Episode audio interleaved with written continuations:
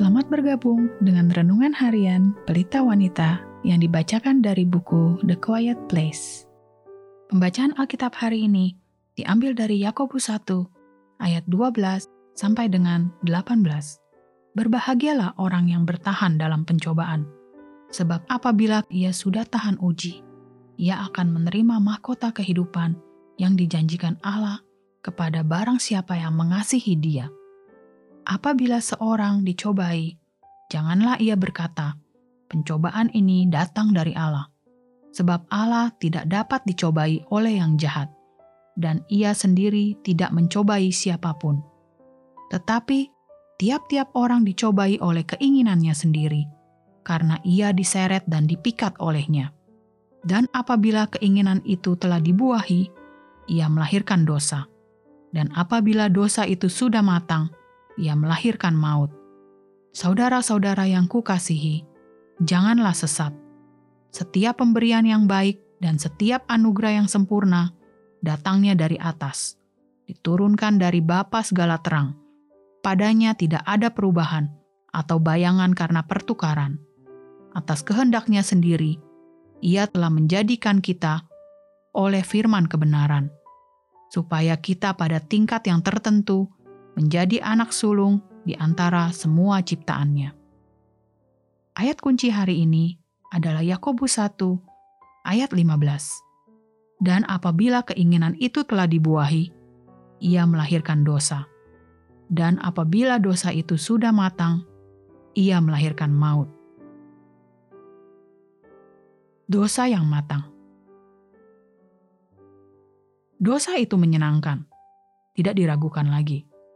Jika tidak demikian, mengapa kita melihatnya begitu menggoda? Namun, kita perlu mengingatkan diri kita sendiri bahwa kesenangan-kesenangan itu hanyalah sementara.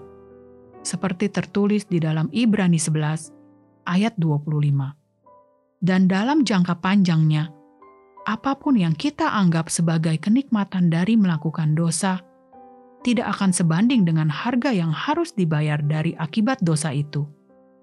Saya mempunyai seorang teman yang menyimpan sebuah daftar konsekuensi dosa di dalam dompetnya. Tulisan-tulisan seperti dosa mencuri sukacita, dosa menghilangkan keberanian percaya, dosa mendukakan hati Allah, dosa membuka celah untuk dosa-dosa yang lain, dan masih panjang lagi daftarnya. Semuanya hal yang buruk sekali. Setiap kali ia tergoda untuk tidak taat kepada Allah dalam suatu hal, teman saya mengeluarkan daftarnya dan membacanya. Kemudian menanyakan kepada dirinya sendiri, "Apakah ini harga yang sungguh ingin saya bayar? Apakah saya sanggup membayar harganya?" Terkadang konsekuensi dari dosa itu tidak kelihatan sampai berbulan-bulan atau bertahun-tahun kemudian. Terkadang malah tidak terlihat sampai generasi berikutnya. Tetapi janganlah Anda salah. Dosa ada konsekuensinya.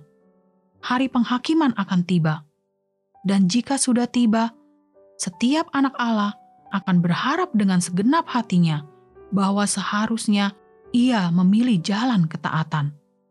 Kita tidak boleh bersikeras dengan bodoh berpikir bahwa kita telah berhasil lolos dari dosa kita.